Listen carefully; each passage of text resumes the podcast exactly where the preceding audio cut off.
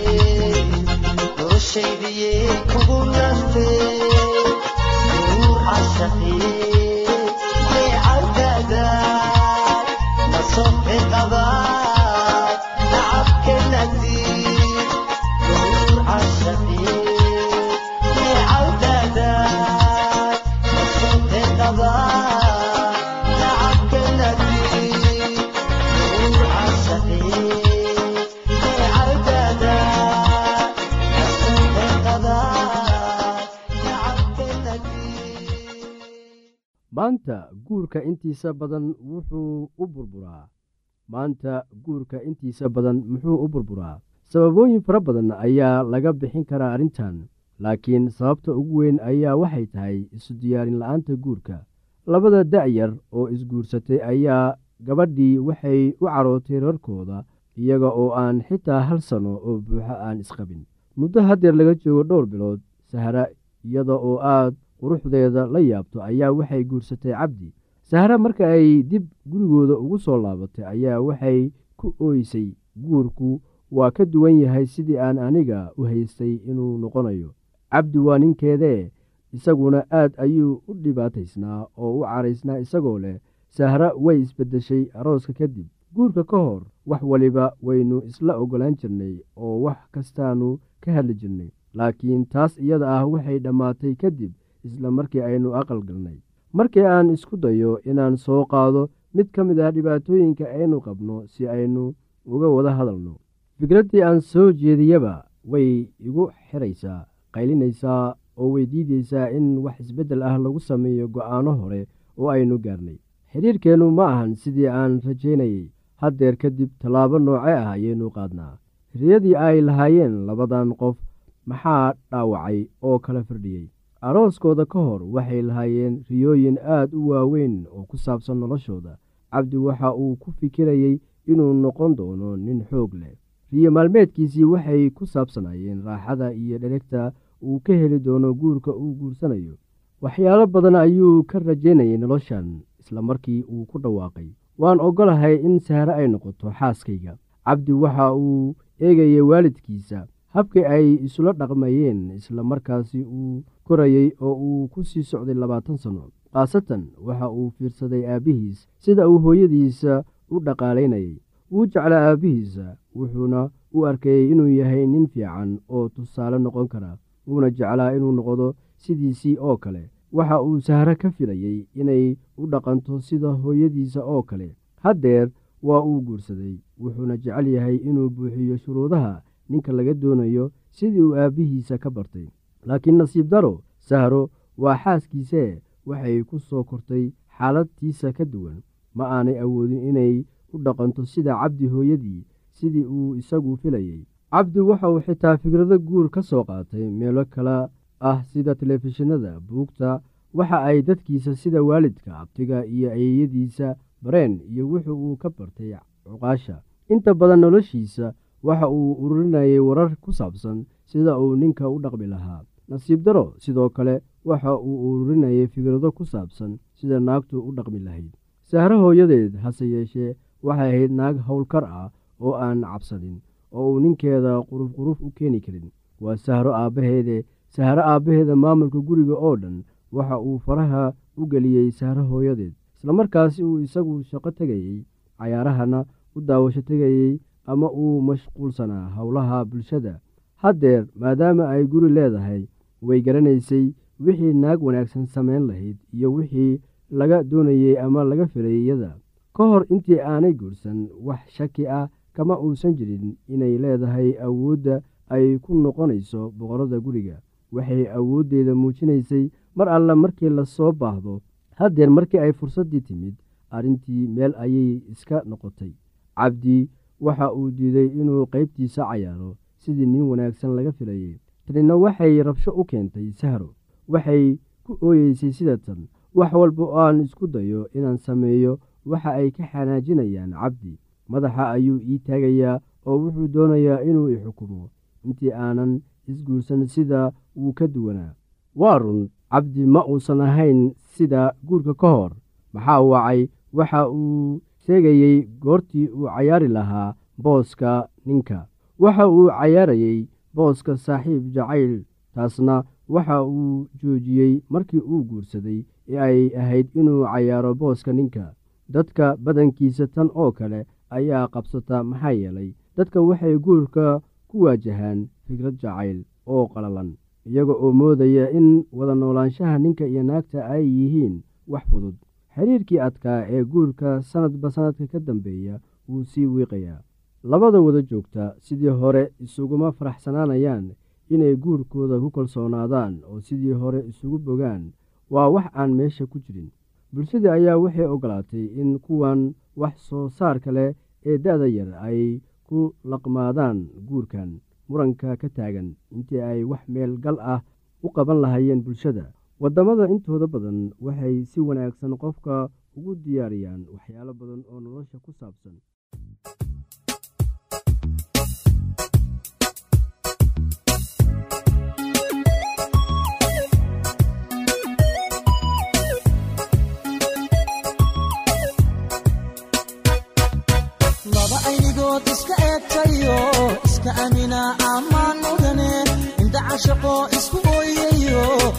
is-ilashada ammaan mudane axdigay dhigteen u adkaystayo aroos gala ammaan mudane.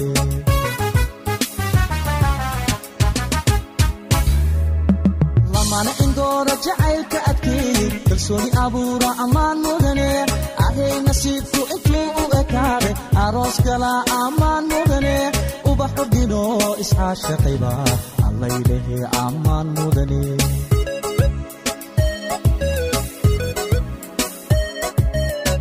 aynigood iska eegtayo iska amina ammaan mudane indha cashaqo isku ooyayo is-ilashada ammaan mudane axdigay dhigteen u adkaystayo.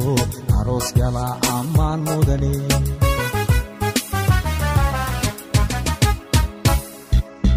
lamana indoora jacaylka adkeey kalsooni abuura ammaan mudane ahay nasiibku intuu u ekaaday aroos gala ammaan mudane ubax ordino iscaashaqayba allaylehe ammaan mudane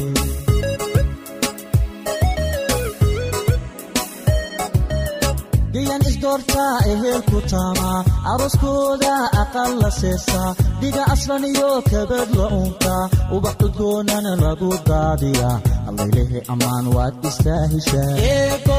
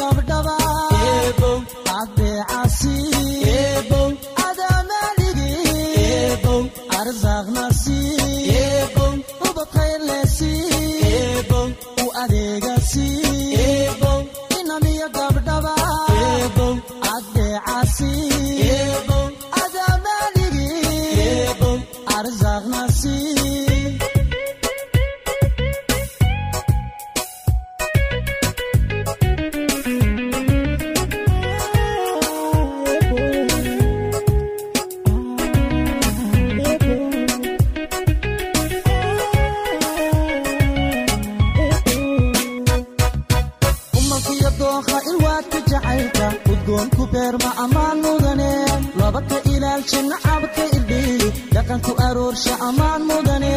Afka hoyo hidaha asalka awlaadka tusaa ammaan mudane.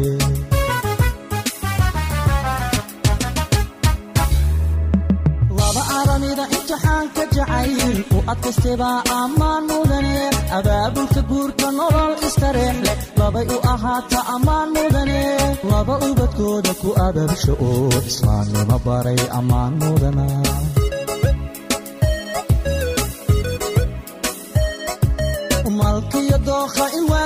jacaylka udgoonku beerma ammaan mudane.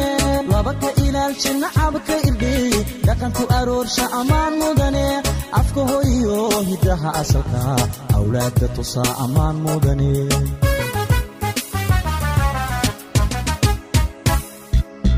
Laba aramida imtixaanka jacayl u adkaystebaa ammaan mudane abaabulka guurka nolol istareex leh labay u ahaata ammaan mudane.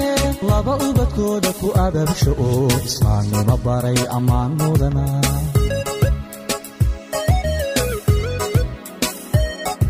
Bal eega eega eega. Ubaxani bal eega. Bal eega eega eega. Abkoo ila eega. Bal eega eega eega. Ambaqaadka jacay bal eega eega eega. Adkaystay eega. Bal eega eega eega. Wayu wahatee bal eega eega eega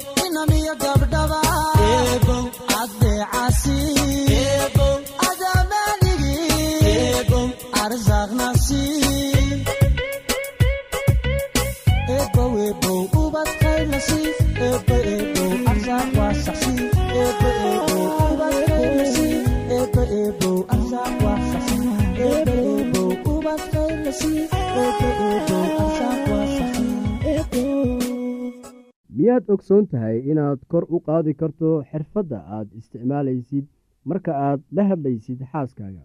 Tan waxay keenaysaa natiijo ah inaad kor u qaadaan hab nololeedka gurigiina ama reerkiina. Waxaa jirta ooraah af ingiriisi ah oo odhanaysa treat your family like friends and your friends like family.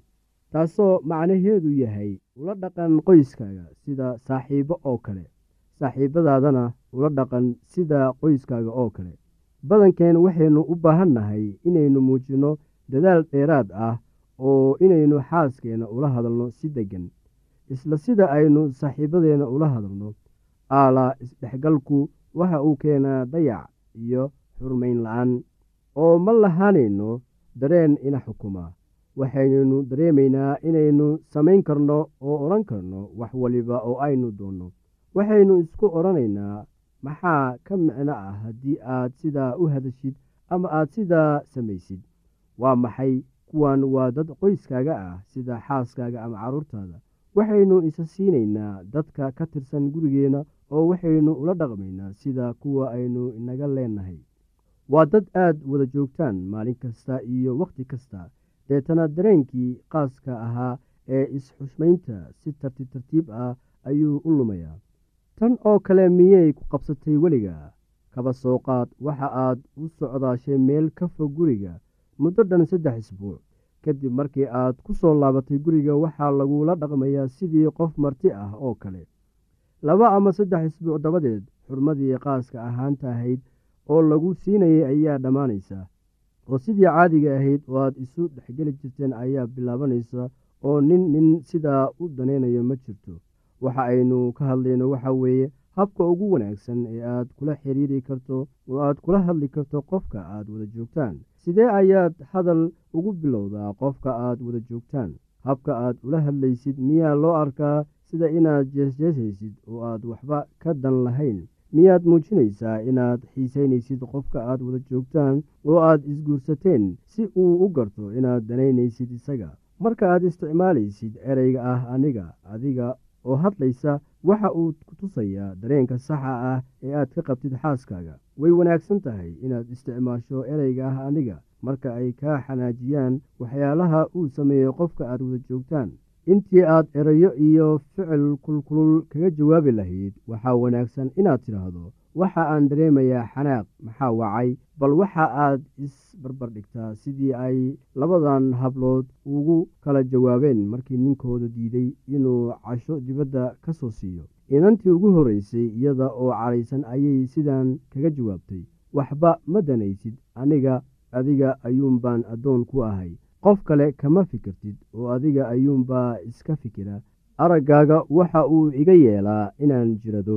Sidee ayaad uga jawaabi lahayd naag sidaa u hadlaysa oo ku eedeynaysa oo ku xukumaysa oo sumcadaada hoos u dhigaysa caro awgeed. Tan iyada ah waxa ay ninkii ku sii qasbaysaa inuu sii diido. Ninkii wuu sii madax adkaanayaa oo waxa uu uu gelayaa isdifaacid mustaqbalka dalbasho qusaysa arrintan way yaraanaysaa haddiiba arrintu sidan tahay. Bal dhegayso sida ay haweentii kale kaga jawaabtay markii ninkeedu diiday inuu casho dibadda ka soo siiyo caawa waxaan u baahanahay nasasho. Maxaa yeelay toddobaadkan oo dhan waxa aan ka shaqaynayay guriga. Waxaan doonayaa inaan wakhti kula yeeshto oo aan kula sheekaysto. Caawa sida dad waaweyn oo kale. Naagtan labaad iyada oo qura ayuunbay iska hadlaysaa oo waxay sheegaysaa sida ay dareemayso. Oo runtii ninkeeda waxa uu ka doodaba ma lahan. Maxaa yeelay waxay sheegtay oo qura siday dareemayso oo ma aanay soo magac qaadin isaga. Haddii aad adigu tahay waxaa dhici karaa inaad xitaa go'aankaagii hore beddesho oo aad haweentan casho u kaxayso. Miyaanad sidaas samayseen? Maxaa wacay hadalkii ku dhisan ereyga ah aniga ayaa waxa uu si dhaqsiya iridda uga bixinayaa weerar isdifaacid iyo cay timaada haddii ay naagtu xusiiso ninkeeda waxyaabo iyada oo dacweynaysa oo ku leh waxaad wakhti badan siisaa shaqada xafiiska oo wakhtiga uma haysid reerkaaga waxaa dhici karta in ninku sidan kaga jawaabo arrintan mar waliba sidan ayaa tahay bilow haddana mar kasta eedeen iyo gunuunac. Badanaa waxaynu hilmaanaa sida qofka aynu la noolnahay u doonayo inuu ina daneeyo oo ina tixgeliyo. Sida sida dhabta ah haddii aad doonaysid in dareenkaaga la tixgeliyo waa inaad si joogto ah oo toosan ula xidhiirta afadaada ama ninkaada. Waxa aad dareemaysid u sharax qofka aad wada joogtaan si uu u awoodo inuu fahmo haddii aad qabto wax su'aalaha fadlan inala soo xiriir. Ciwaankeenna waa radio somaly at yahu t com. Mar labaad ciwaankeenna waa radio somaly at yahu dt com. Barnaamijyadeena maanta waa naga intaas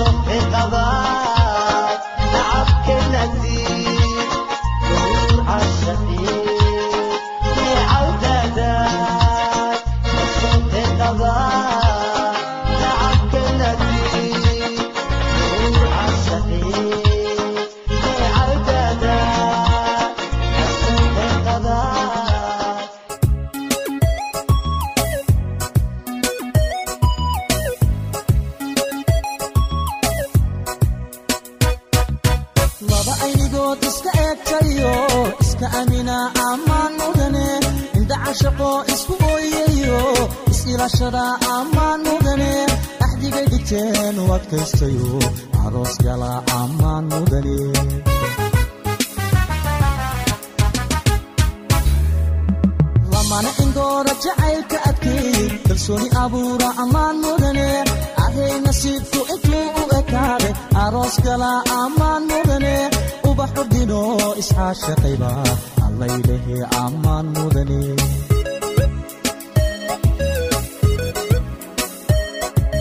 Laba aynigood iska eegtayo.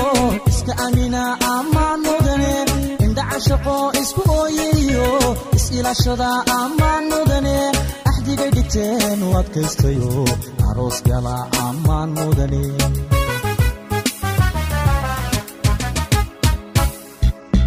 lamana indoora jacaylka adkeey kalsooni abuura ammaan mudane ahay nasiibku intuu u ekaaday aroos gala ammaan mudane ubax ordino isxaashaqayba allaylehe ammaan mudane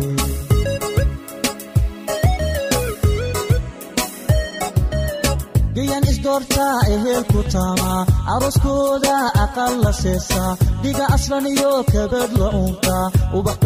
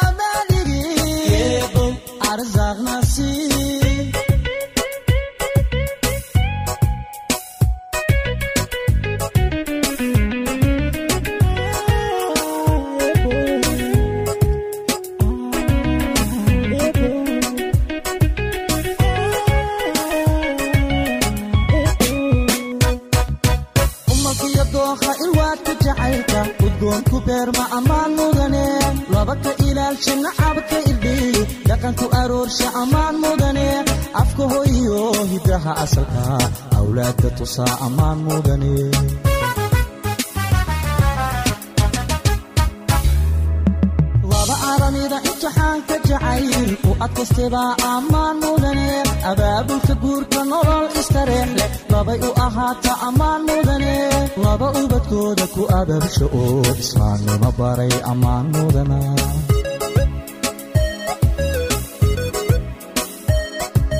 malkiyo dookha ilwaadka jacaylka udgoonku beerma ammaan mudane laba ka ilaalsha nacabka irdhiy dhaqanku aroorsha ammaan mudane afka hoyo hidaha asalka awlaadka tusaa ammaan mudane